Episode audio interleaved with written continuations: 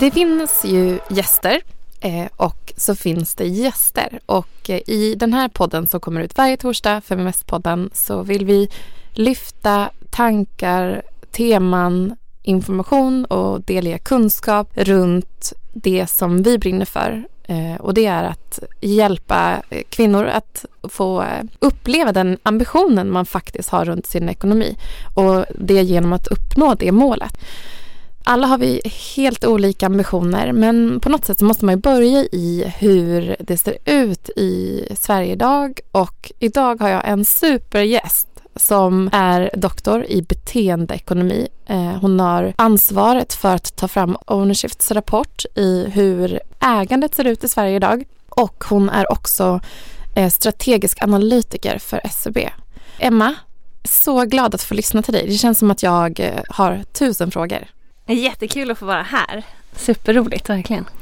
Du heter ju Emma Heikensten och jag anar att det kanske är så att du har i familjen eh, flera som är intresserade av lite samma ämnen som du? Absolut. Eh, även min eh, far har disputerat i nationalekonomi på Handels faktiskt. Mm. Och du har ju en sån gedigen eh, erfarenhet och kunskap. Eh, kan inte du berätta lite om hur det kom sig att du eh, påbörjade studier inom området? Ja, alltså lite slumpmässigt är det faktiskt. Alltså jag ehm, sådär eh, 2006 2007 när man skulle, eller när det var dags för mig tyckte jag att jag skulle börja plugga. Eh, då var jag mest inställd på att jag skulle till Lund. Så att jag sökte utbildningar i Lund. Varav en Dinosaurier. ja, nej men, nej men alltså, okay, det var ju på Topics som jag uppskattar så det var ju en, utbild en utbildning inom psykologi till exempel. Den kom jag inte in på. Eh, och sen så sökte jag i då företagsekonomi och nationalekonomi liksom som paket, en ekonomutbildning helt enkelt. Så att, eh, och sen hamnade jag på ekonomutbildningen, eh, läste något år och sen fick man välja mellan företagsekonomi och nationalekonomi och då var ganska, då tyckte jag att valet var ganska enkelt. Alltså jag tyckte nationalekonomi var väldigt mycket mer intressant. Eh, så då fortsatte jag på det spåret. Och efter liksom en kurs i miljöekonomi och en kurs i utvecklingsekonomi och en kurs i beteendeekonomi och sådär så var det egentligen då miljöfrågorna och beteendefrågorna som jag tyckte var mest intressanta. Vad eh. tror du var det som du gillade med just den typen av frågor? Alltså beteendefrågorna, jag menar jag, som, som sagt så sökte jag ju psykologutbildningen också tänkte jag säga. Jag är nog väl bara intresserad av hur människor fungerar och, och varför liksom. Ehm, och har nog alltid varit ehm, i eh, mer eller mindre hög utsträckning. Ehm, men jag vet inte riktigt vart det, vart det kommer ifrån i övrigt liksom. Har ni pratat mycket om det hemma? runt middagsbordet så. Jag ja, vet vi nej. gjorde det väldigt mycket hemma ja. i alla fall. Um, nej, jag minns mera samtal om inflation och, och räntor vid matbordet hemma faktiskt om jag ska vara ärlig. Så det kanske var en, i kontrast till det då tänkte jag säga. Eller hur, kul. Uh, ja. mm. Eh, och eh, jag ska också säga att min mamma har ju faktiskt då jobbat på Naturvårdsverket. Så miljöfrågorna har ju alltid varit så att säga en del i den här middagsdiskussionen också. Nej men sen så sökte jag då en, en masterutbildning på London School of Economics eh, i eh, eh miljöekonomi.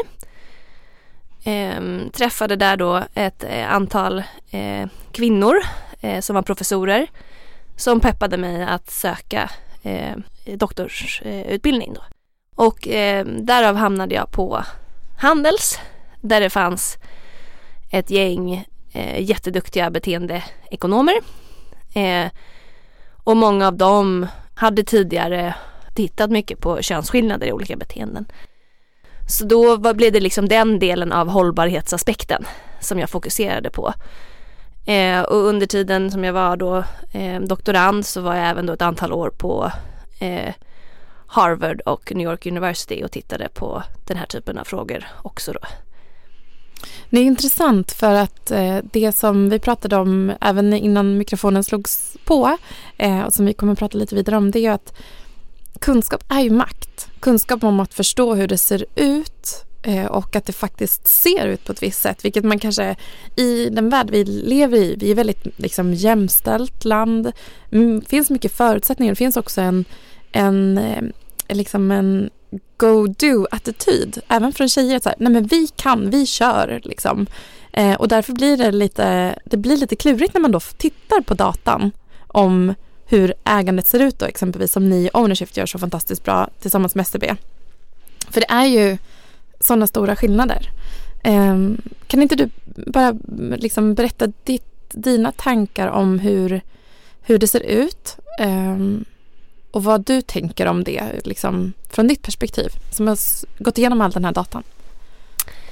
Ja, alltså ehm, det är ju väldigt stora skillnader om man tittar på så att säga, totaliteten liksom. Det finns ju x antal så att säga, kronor i Sverige idag som det går att äga. Liksom. Sen så kan ju BNP växa och då, och då växer ju den här kakan men vid givet tillfälle så eh, har vi ju en viss bild. Och den visar ju att män äger ungefär dubbelt så mycket som kvinnor i en rad, rad olika områden. Eh, bland annat eh, aktievärde då enligt Euroclear, eh, mark eh, av Sverige enligt eh, Ownership och Lantmäteriet och eh, bilar till exempel. Eh, och det som är viktigt att komma ihåg här är ju att det fortfarande, alltså män äger dubbelt så mycket som kvinnor men det ägs ju fortfarande mycket av kvinnor. Och det handlar inte heller om att alla män äger mer än alla kvinnor utan skillnaderna ligger ju i eh, medel eller medianvärden och eh, i det här fallet oftast i medelvärden liksom. Ehm, och det här, det är ju viktigt att ta med sig för liksom man, vill ju, man måste ju uppmärksamma det här för det här kan ju te sig som demokratiska problem till exempel. Eller problem eh, som går så att säga längre än bara det ekonomiska. Det handlar ju om makt, och makten att eh, ja, men lämna, en, lämna ett dåligt förhållande inte minst. Ett, ett ämne som har varit uppe på eh, agendan nu ganska mycket politiskt också. Liksom. Eh, men också makten att forma våra samhällen och så vidare. Men det finns ju många exempel på kvinnor som äger bilar, äger mark, eh, äger aktier och det är viktigt att ta med sig. Så ja. det, är, det är ingenting som inte det är ingenting som inte kvinnor kan. Man måste börja med bara nulägesanalysen så att man förstår vilka förutsättningar man har och vad man själv vill göra. Om man har en ambition. För vi har ju ändå rent juridiskt så har vi väldigt goda förutsättningar i Sverige att förändra vår egen liksom, karriär eller ut, utveckla oss vidare eller liksom så. Det finns mycket vi kan, man kan göra i egen vilja. Eh, börja spara i aktier. Kanske dubbla sparandet i aktier varje månad. Mm. Jag menar det finns ju även, även data om, om man skulle, om man kollar på aktievärde till exempel. Eh, ackumulerat så enligt Euroclear det är ju ehm, 60-plussarna som äger det stora, det stora kapitalet och de har ju sparat under många år och sett det utvecklas, pengar på, eller ränta på ränta och, sådär. Eh, så att om man skulle se till att skapa en förändring i aktieägandet som en, en, en del så behöver ju det i sin tur fördelas jämställt i arv eller vad det nu kan vara. För det, kommer, det tar ju väldigt lång tid att komma ikapp den typen av förmögenheter. Ja, I det, ett litet månadssparande. Verkligen. Nej, men, och jag tror att en sak som är viktig här är att tänka på att det här är ju alltså eh, om vi, eh, vi säger att 60-plussarna äger mest inom det mesta. Liksom. För eh, 30 år sedan, då var de liksom i tidig karriär. För 30 år sedan var det mycket större löneskillnader än vad det är idag. Alltså det var större skillnader i föräldrar, alltså uttag av föräldraledighet. Eh, det var större skillnader i eh, de så att säga, könsnormer som vi har i samhället. Det här påverkade ju de individerna då men det påverkar ju de individerna ännu mer idag givet att liksom storleken på kakan har vuxit och kvinnorna inte har varit med i samma utsträckning. Och det är någonting som alltså SCB visade väldigt tydligt i, i vår kampanjfilm från förra året. Just den historiska, på, eller, ja, historiska påverkan ja, precis, mm. på, på, hur, på siffrorna och på, på varför, varför det ser ut som det gör. Så det är ju liksom en superviktig aspekt. Mm. Eh, men kan inte du liksom bara berätta lite kort utifrån rapporten eh, som ni har tagit fram i Ownershift om vad ni kom fram till. Eller ni har ju släppt flera rapporter egentligen, två rapporter. Tre. Tre. Eh, och liksom, ja, vad, vad ni har kommit fram till genom dem? Jo, men eh, i första rapporten så eh, då var vi en väldigt liten eh, grupp inom Ownershift då. Eh, den släppte vi 2019 eh, och då, då gjorde vi egentligen den första kartläggningen. Alltså vi försökte ta reda på hur statistiken såg ut idag eller, eller då på de här uh, olika områdena som eh, skog och mark och aktier och hus, ehm, företagande, eh, bilar, eh, patent och eh, diskuterade egentligen inte så himla mycket eh, orsaker men eh, liksom avslutade lite grann med sammanställningen att det är slående hur ändå likt fördelat eh, kapitalet är inom en rad olika områden. Som jag sa, alltså det är ungefär dubbelt så mycket inom de flesta av de här områdena. Egentligen inom alla områden förutom när vi tittar till huvudman på bolag. Eh, vilket är en konversation i sig men eh, kan ju vara lite, ja man, det finns en del att spekulera kring där. Eh, den andra rapporten handlade ju då om varför det ser ut på det här sättet och den gjorde jag tillsammans med eh, min kollega Evelina Bonnier som också är doktor från eh, Handels då. Och eh, då, gick vi, då gick vi igenom ja, egentligen hela vår tid som forskare alltså och försökte sammanfatta, okej okay, men varför ser siffrorna ut så här? Vad säger forskningen? Så den, den, är, den är väldigt tung forskningsmässigt den rapporten. Det är ju en litteratursammanställning liksom. Ehm, och där vi egentligen då ser att det här, att det vi, alltså det vi ser idag i samhället är en effekt av eh, normer eh, men också då av pengaflöden som i sig eh, är en effekt av normer liksom. Eh, och sen även då eh, en del beteendeskillnader liksom som också är en effekt av normer eh, kan man säga. Och sen den sista rapporten som vi släppte nu för ungefär en månad sedan eh, handlar ju då eh, om skog och mark och hus och fastigheter.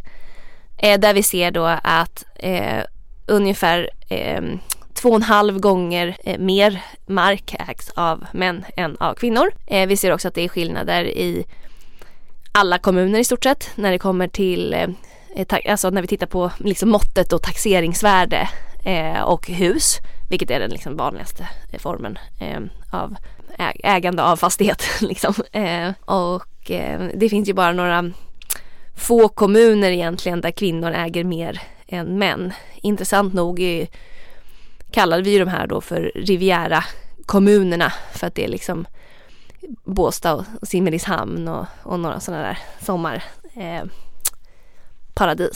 snarare. Mm. Något annat. Ja, intressant, verkligen. Mm. Eh, vem äger marken? Precis, vem äger marken att gå på? Um, och i en av de här rapporterna, om man ska lyfta liksom lite ljusglimtar, så utöver att vi är livsnjutare som vill känna vinden i, i våra hår och saltvatten. Eh, skämt åsido. Eh, men I en rapport från SCB e så har ni eh, dragit slutsatsen att kvinnors kapitalvinster är större än mäns. Ja, och det här är alltså då ehm, är det att vi inte tradar lika mycket eller? Alltså det är inte kapitalvinster i medelvärde, inte kapitalvinster på totalen utan det är kapitalvinster på medianen. Det är viktigt att ta med sig. Men det innebär alltså att de kvinnorna som faktiskt handlar med aktier, i den stora massan av dem eh, så gör kvinnor minst lika bra ifrån sig som männen. Eh, och det, det, det, tycker vi var en intressant, intressant, ett, ett intressant resultat att lyfta här dessa tider. Och men de, stor, de största skillnaderna ser man ju då typ under eh, krisperioder.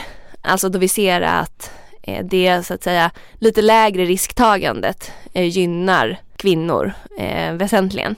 Men att vi egentligen de flesta år, säg tio år, så har kvinnors eh, kapitalvinster på medianen varit större än män. Mm, till och med större. Det är mm. ju väldigt intressant ändå. Mm. Mm. Nej men och det här tror jag själv då beror på eh, skillnader i självförtroende. Så att jag kan tänka mig, eh, och, men det, det, det, är ju det är spekulation liksom. Eh, men det finns ju skillnader i självförtroende i ganska många olika eh, forskningsstudier. Och just att då kliva in på aktiemarknaden eh, om vi säger att eh, det kvinnor liksom kräver mer kunskap av sig själva innan de vågar sig in. Då är det ganska rimligt att de faktiskt skulle göra ett bättre resultat. Medan männen kanske går in lite tidigare vilket gör att de är, de, det är fler på totalen. Men de faktiskt inte har samma kunskapsnivå som kvinnorna, de kvinnorna som faktiskt är där. Mm. Eh, så det är väl en liten klapp på axeln till kvinnorna som har kapitalvinster, alltså, eller finansiella kapitalvinster. Då. Att tro på sig själva, för att ofta när man har kommit till det steget att man ger sig in i att börja så har man mycket mer kunskap än gemene man som börjar. Ja, så, så kan man säga. Ja.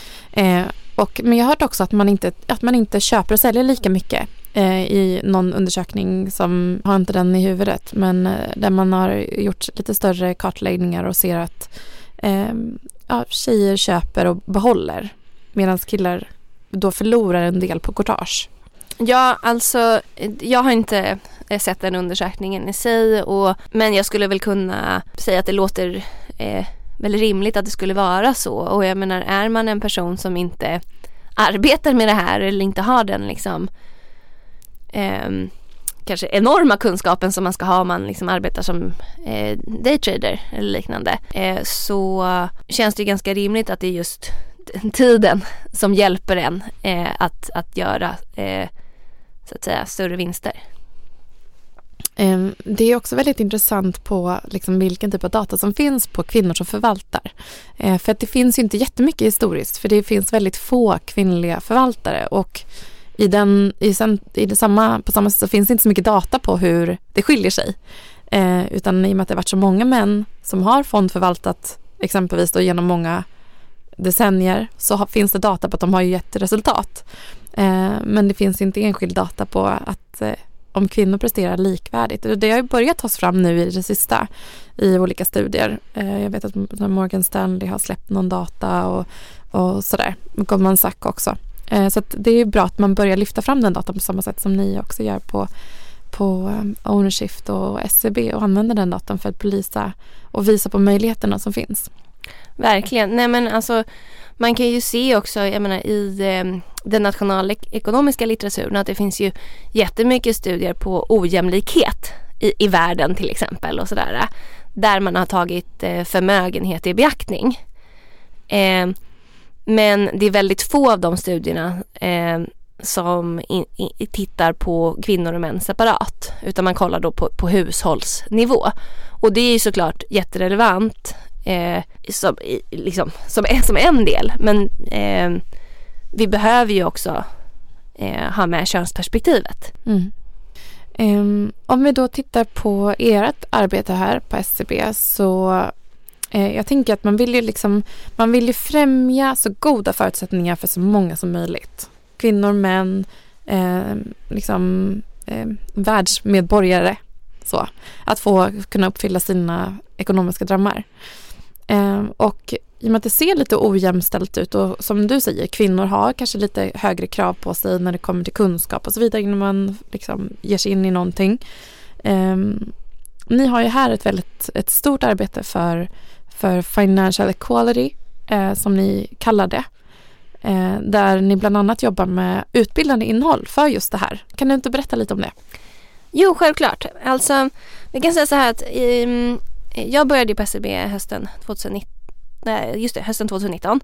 Och eh, våren 2020 så släppte vi vår första eh, kampanjfilm på området. Och när vi försökte vara utbildande redan där, liksom, det, det var ju marknadsföringsmaterial såklart, men eh, att det skulle handla om eh, ägande och att vi skulle ge det här historiska perspektivet liksom, så att det skulle vara tydligt att eh, eh, vad det finns för eh, Eh, bakomliggande orsaker till det här eh, kapitalgapet.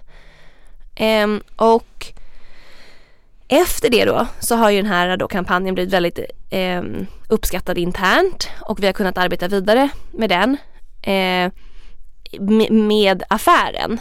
Eh, och så, så, under egentligen hela 2020 så hade vi workshops med olika delar av affären för att hitta områden där vi kan bli bättre helt enkelt. Och eh, ganska tidigt så landade vi att vi behövde ett antal utbildningsinsatser så att säga. Eh, så att vi har tagit fram eh, en eh, utbildning för alla anställda på SEB som handlar eh, dels som tar upp det här historiska perspektivet på, på ägande men som också diskuterar biases. Alltså liksom hinder som gör att vi tar eh, ibland, eller ibland tar felaktiga beslut. Eh, vilket, jag menar vi, vi alla människor har ju det. Eh, och såklart om man är en eh, finansiell aktör som SCB då, som jobbar mot en eh, mängd olika typer av kunder, alltså både kan jag säga, gemene man, alltså privatkunder, eh, men också eh, företagsledare och entreprenörer och företag i alla alla storlekar. Liksom. Då är det ju ännu viktigare att man är medveten om vilka typer av biases man har och att man sätter upp processer som gör att dessa biases eh, eller effekterna av dem blir eh, så små som möjligt. Så det är en ganska bred utbildning på det här området. Eh, men just för att den ska kunna då kanske, det är med exempel både för, som är relevanta för analytiker och som är relevanta för marknadsföringsorganisationen och som är relevanta för eh, rådgivningsorganisationerna och, och så vidare. Liksom. Och sen då har vi ju en annan utbildning på G för eh, rådgivare. Eh, framförallt mot eh, rådgivare som rådger eh, mot privatpersoner och eh, mindre företag då. Mm. Någon gång kan jag tänka så här när man ser, man kan se från enskilda banker att de delar data på hur mycket tjejer sparar och hur mycket eh, killar sparar. Då ser man ofta typ att killar sparar lite mer i, i, några av de undersökningar som jag har sett från men, typ Avanza, Nordnet och så vidare. Eh, och då tänker jag så här, undrar om tjejer bara skulle, tänk om vi alla tjejer skulle komma tillsammans och bara nu dubblar vi vårt sparande i liksom i vad det nu är vi vill spara i. Alltså att man förstår makten i vad man kan på, hur man kan påverka sin egen ekonomi. Och, och även om man vill så här, skapa jämställda förutsättningar så behöver man ju faktiskt spara mer än sin, ja, om man är sin manliga kompis, kollega, partner, eh, mm. bror, vad det nu mm. är. Kan du tänka så någon gång, du som är så här beteendeekonom och har? Ja, nej men verkligen, alltså det är en grej som vi har försökt eh, pusha lite grann inom ownership framförallt när vi släppte, efter vi släppte den första rapporten liksom. Just att så här, okej okay, alla som är här nu och lyssnar, köp en aktie. Alltså det finns, det finns billiga aktier. Alltså nu kanske man inte ska gå på priset på aktien när man köper aktier. men eh, liksom börja testa. Köp, köp, eh, köp en aktie för lite pengar och så köper du en aktie för lite mer pengar och så ser du vilken går bäst. Alltså, jag menar, det är där någonstans som man kan Um, det kanske inte blir en bra affär och framförallt inte när du det finns ju courtage. Um, även om de är ganska är låga för närvarande kan man ju säga både på SEB och eh, på, på, andra ställen liksom. Um, men så, så, just att testa sig fram är ju ett sätt att göra sig mer bekväm med. Okej okay, vänta nu har jag gjort det här lite grann. Nu kan jag ju faktiskt kanske göra lite mer. Nu har jag lärt mig någonting liksom. Men alltså sen jag menar då, det har ju det, eh, det kommer vi prata om när vi eh, tar upp eh, rapporten som vi har gjort tillsammans här också. Men alltså fondsparande är ju toppen. Alltså det är ju, du lämnar, du, du, du har kanske inte riktigt lika mycket makt. Eh, för du kan ju inte liksom gå med på årsstämman på bolagen eh, som du sparar i, i egentligen då via fonden. Men om du handlar om att bygga upp sin egen förmögenhet så det är ett jättebra sätt att börja testa sig framåt. Alltså ha bra riskspridning. Det är ju en expert som förvaltar dina pengar så du får ju bara ja, men lita på experten i det fallet. Liksom. Mm. Eh, verkligen. Eh, och då är vi inne lite på det här ändå för du kommer ju från så här, okej okay, förstå hur världen funkar ur ett ekonomiskt perspektiv. Eh, hur landar det hemma vid frukostbordet? Eh, och sen så har du då flyttat in på banken som hjälper till att finansiera våra liv. Vad kan man mer göra som bank? Eh, tänker du? Jag tänker att man kan göra jättemycket som bank. Eh, och eh, jag tänker att alltså bara det faktum att man eh, som SEB nu gör går ut och kommunicerar kring de här frågorna och visar att så här, det, här är, det här är viktigt. Liksom. Det här är viktigt för samhället, det är viktigt för oss. Är en, en jättestor grej. Alltså, eh, som jag verkligen hoppas med. Jag hoppas på att den kommer liksom sprida sig och eh, bli ännu större här eh, internt. Ehm, Ja men sen är det ju då liksom utbildning av de personerna som sitter i, eh, i rådgivningsmöten oavsett vem de rådger. Att det är, ja men att man eh, tar hänsyn till den, eh, till den bakgrunden som personen framför eh, eh, har. Ehm, olika aspekter av den såklart det är inte så att alla kvinnor är på ett visst sätt och att alla män är på ett visst sätt som vi pratade om tidigare utan det är ju eh, verkligen någonting som man eh, Eh, måste vara, låta vara personberoende.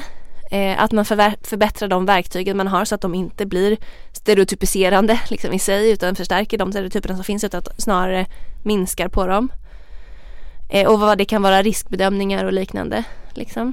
Sen, så, sen så finns det också saker man kan göra eh, som analytiker och ja gud, i alla, i alla roller egentligen och det finns, ju, det finns ju saker man kan göra internt också förstås.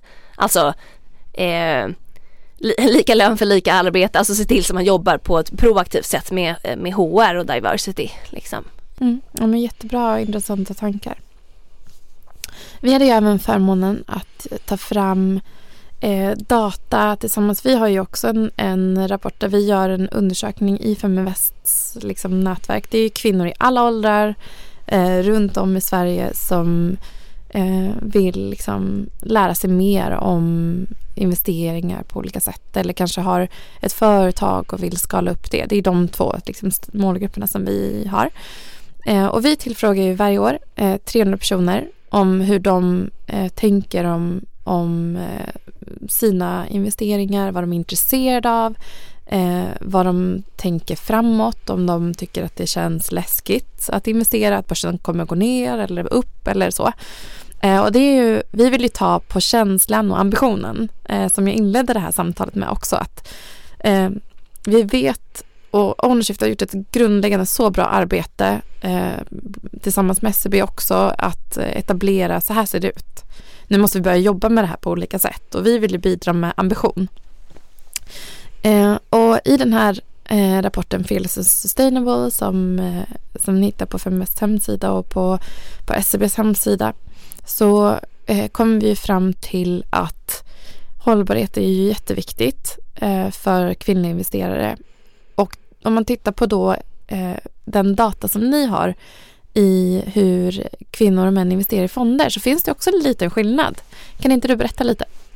Jo absolut. Alltså, eh, först måste jag bara säga att jag tycker att det är toppen bra tema och inriktning. Just att man fokuserar på så, okay, men hur, hur gör de kvinnorna som faktiskt investerar och vad vill de göra? Liksom. Och jag upplever väl att eh, eh, era resultat på hållbarhet mappar ganska väl mot de resultaten på hållbarhet som vi ser i våra i, i, bland våra kunder så att säga. Alltså eh, intresset för hållbarhet har ökat ganska mycket. Eh, och vi ser då att eh, kvinnor verkar vara något mer intresserade eller att det är något mer viktigt för dem att investera hållbart i, i liksom hållbara fonder då. Eh, sen ska vi säga att hållbarhet i det här fallet, eller vi har ju, eller vi har ju analyserat ganska långsiktiga trender eh, med, med egentligen slutpunkt då i december 2020. Och, och, och hållbarhet innan dess eh, har, har, inte funnits någon, ehm, eh, vad ska man säga, konsistent eh, definition på. Vilket kommer nu. Så att det ska bli jätteintressant att följa det här framöver också men det är bara någonting jag måste nämna för att det liksom blir en viktig del av analysen då. Eh, ja men precis. Eh, den nya taxonomin som du tänker på där eh, man både behöver eh, visa upp exakt hur man, eh, vad för typ av hållbara investeringar som man erbjuder eh, men också behöver rapportera på det och så vidare. Det blir lika för alla inom EU kan man säga. Ja, exakt och därför ska det vara jätteintressant att följa upp eh, det här eh, framöver och då går det ju också Eh, jag menar SEBs fondbolag jobbar jättemycket med hållbarhet eh, i, i massa olika dimensioner men det kommer också bli lättare för konsumenten att då förstå hur hållbar fonden är. Och, och i, i, rapporten här så utgick vi från Morningstars eh, rating och den, den är ju ganska väl kommunicerad. Eh, vilket, och det var ju anledningen att vi faktiskt använde oss av den just för att det handlar om i det här fallet om, om, om vad konsumenten tror eh, och vill. Liksom. Eh, nej men som sagt, alltså, vi, vi ser ju lite könsskillnader och vi ser också att eh, intresset för hållbarhet ökar bland både eh, kvinnor eh, och män och har gjort det då liksom, under de senaste tio åren ungefär. Mm. Ehm, om vi då ser på andra liksom aspekter av eh, sin egen ekonomi eh, så vet jag att ni också, vi hade ett tidigare samtal med er också om med dina kollegor om hur, hur pensionen ser ut och att den summa summarum när man står där och har jobbat ett helt liv Eh, så har vi idag inte uppnått en ekonomiskt jämställd fördelning. Eh, utan det är tuffare för tjejer eh, i pensionsålder eller när man går i pension. Man har inte lika mycket pengar att röra sig med.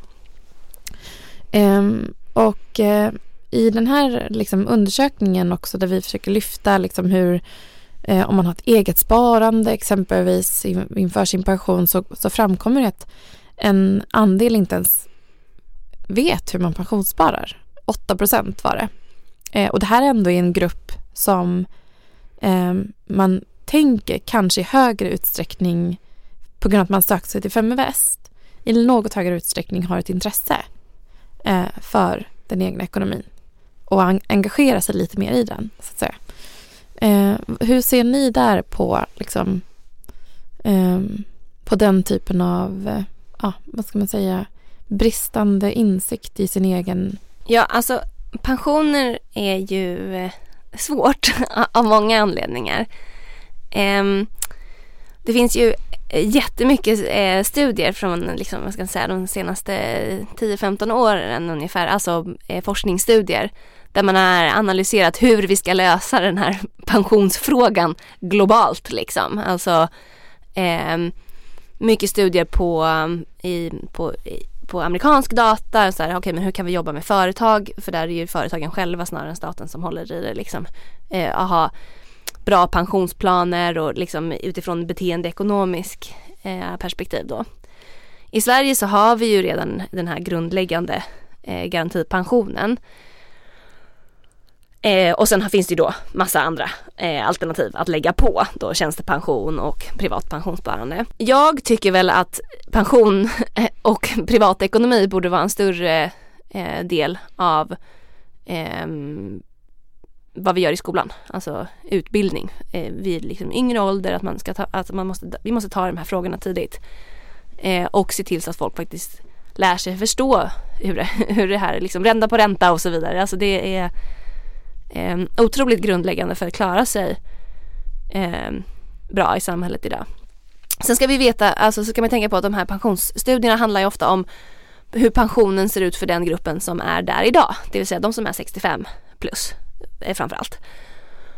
Och de hade ju mycket större löneskillnader för 30 år sedan. Alltså vi pratade ju om det eh, liksom och kanske ännu större löneskillnader liksom på personbasis, om man ska säga, i samma åldersgrupp. Eh, eh, vad ska man säga, i 40 års ålder när de har precis eh, tagit sig igenom småbarnsåren kanske. Eh, och kvinnan har tagit mer föräldraledighet på grund av, eh, och på grund av sin, sitt uttag av föräldraledighet eh, så kanske man fortsätter med eh, deltid eh, och tar mer ansvar för ehm, ja, men allt som har med hemmet att göra. Eh, städning etc. Och det gör ju att man inte har lika mycket tid. Eh, och det gör ju också att man då eh, halkar efter eh, i sitt pensionssparande. Så jag tror att alltså jag, jag är en stark förespråkare eh, personligen för att dela föräldraledigheten eh, lika. Och det är ju givet all den, ska man säga, kunskapen som finns i forskningen liksom. Så där, där finns det verkligen eh, viktiga, vi, viktig information som bör nå ja, gärna personer i 25 års ålder. Liksom. Mm, och det är svårt att ta till sig också när man är ung och vill leva livet och kanske liksom man har också begränsat med, med pengar. Man har inte kommit upp sig i karriären eller man är kanske nyexaminerad precis börjat få lite pengar. Man bara äntligen kan jag leva liksom. Mm. Eh, om man har pluggat tidigare. Så det är och så pensionen känns jättelångt bort. Man har inte ens börjat jobba kanske. Liksom. Det, man förstår ju det. Eh, men det är jag tror så här, en av mina liksom, konstanta råd är att så här, underskatta inte kraften i ett litet regelbundet sparande. Alltså Nej, det låter så tråkigt. Mm. Eh, men det är liksom, det är grunden och kommer att förändra allting. Så är det ju. Mm, verkligen. Mm. Eh, men eh, jag skulle vilja på det här temat också säga att ehm, som sagt påminna om att gå in på antingen på Feminvests hemsida eller på SCBs. Eh, vi kan lägga upp länkar också så att det är lättillgängligt. Eh, och, och kolla på rapporten och den data som har sammanställts. Som sagt, vi har gjort en mindre undersökning eh, och ni har ju kollat i, i en större hur, hur pengaflödena går från kvinnliga respektive manliga investerare i, gentemot hållbara fonder och hur det har förändrats. Eh, och, eh, så det är ändå väldigt intressant läsning. Eh, och sen så hoppas vi att den får inspirera från bägge våra håll till att känna att okej, okay, eh, vi kanske ofta pratar om att så här, tjejer inte eh, startar företag eller nu går, ner, nu går det ner. Det blir ju ofta sådana typer av negationer i rubriker i tidningarna för att man man vill liksom förstärka ett faktum att, eller liksom en data att så här, nej nu går det neråt. Det skapar ju, det är en sensations... eh, man vill komma åt. Eh, Medan det viktiga är ju faktiskt inte, det är ju återigen så här, vad vill vi? Vad vill du och vad vill jag? Eh, jag tycker att det är läskigt att, att spara i aktier. Det känns, jag känner att jag inte har kunskap tillräckligt eh, och jag vet om att de flesta runt om mig, mina tjejkompisar, gör det inte heller för vi pratar inte om det. Så jag utgår från det och jag läser i tidningen att det gör vi inte. Ja men okej, då kommer vi inte göra någonting. Men å andra sidan, tjejer är intresserade av det här och det här och det här. Lite mer riskfyllda investeringar kanske till och med tycker det är spännande. Okej, men jag pratar med min kompis om det.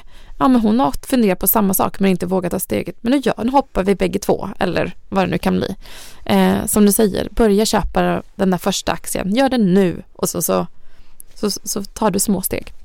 Verkligen, och, men också just att ha det här äh, grundläggande fondsparandet i ryggen. Det tror jag, det tror jag verkligen på. Alltså. Och det ser man ju bland våra kunder också att då, bland de som har ja, men alltså, minst en krona i en fond eh, så eh, är fondsparandet ungefär 40 procent av deras totala kapital. Och då är det inklusive det totala kapitalet alltså inklusive både sparande på vanligt konto eh, och eh, sparande till exempel i aktier. Liksom. Eh, och just det tycker inte jag, alltså, eh, nu ska vi säga att jag är inte är expert på att ge privatekonomisk rådgivning här. Men det känns ju ganska rimligt att ha en, en sån bulk där liksom. Och sen så har man e-, en del på sparkontot och en del i kanske aktier eller liknande. Och det är inget fel med att eh, tänka att man börjar, börjar med fonden eller fonderna just för att man faktiskt kan risksprida även mellan, mellan fonder. Eh. Mm. Du, tack så jättemycket för att eh, jag fått sitta ner och prata med dig. Eh, om du skulle ge, jag tänker så här, ett råd, jag vet att du har ju barn också. Eh, har du någon tanke om så här, det här ska jag ge vidare själv? Till mina barn när det kommer till ekonomi och sådär. Oj, eh, ja alltså Eh, nu ska vi säga att jag, jag och min man eh, har ju varit väldigt eh, eh noggranna med just den här eh, Eh, uppdelningen av föräldraledighet och eh, vab och hämta och lämna och, eh, och sådär.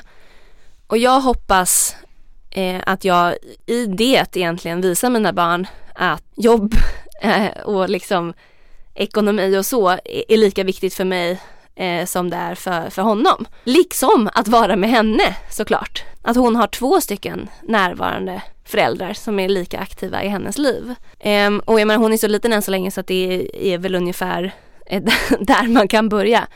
Eh, vi försöker prata om, jag menar hon, hon har en, eh, en liten plåtburk med lite pengar i som hon kallar sin sparagris. Eh, och eh, jag menar kan ju säga saker som att eh, nej men vi kan köpa vi kan köpa en ny, jag har pengar i min sparagris. liksom. Och då, försö- då får man ju försöka förklara hur, hur, hur man får pengar. Mm. mm. Men mer än så till en fyraåring är ju lite svårt. Eh, nej men framöver tänker jag bara att det är viktigt att ha den konversationen hemma. Vi har en, sparar, en sparåsna hemma hos oss. Eh, ja men det, det, är, det är viktigt att man har den medvetenheten. Mm. Tror jag. Att mm. man så här, man, man, man känner att man är alignad med det man själv tycker är viktigt i sig själv. Vi alla gillar olika, tycker olika. Eh, men eh, viktiga råd att skicka med. Tack så jättemycket Emma. Eh, och vi är tillbaka nästa torsdag i Feminvest-podden. Och härlighet, jag har ju helt glömt att säga. Det är vårt jubileum idag Emma. Gud vad kul! 100 avsnitt. Grattis! Eller hur? Ja. Helt otroligt. Ja, verkligen. Eh, så att det jag känner mig väldigt passande. privilegierad här. Det känns så passande måste jag säga. Tack så mycket för att du var med och eh, om det är några frågor som ni har skicka in dem till oss så vidarebefordrar vi dem eh, också. För är, jag förstår att det kan väcka mycket frågor det här ämnet. Hörni, ta hand om er där ute. Hoppas att solen dyker upp. Det har ju varit så himla tråkigt aprilväder. Så får ni eh, hålla ut till nästa torsdag igen. Ha det gott! Hej då!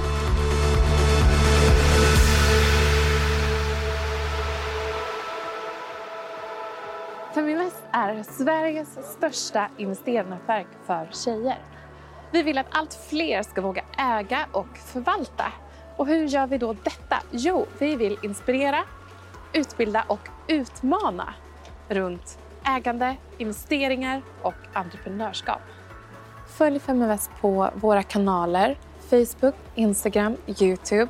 Varje vecka så kommer vi även ut med en podd och du kan ju självklart även följa nyheterna som publiceras på feminvest.nu. Det är bara att söka på Feminvest på samtliga kanaler så hittar du till oss.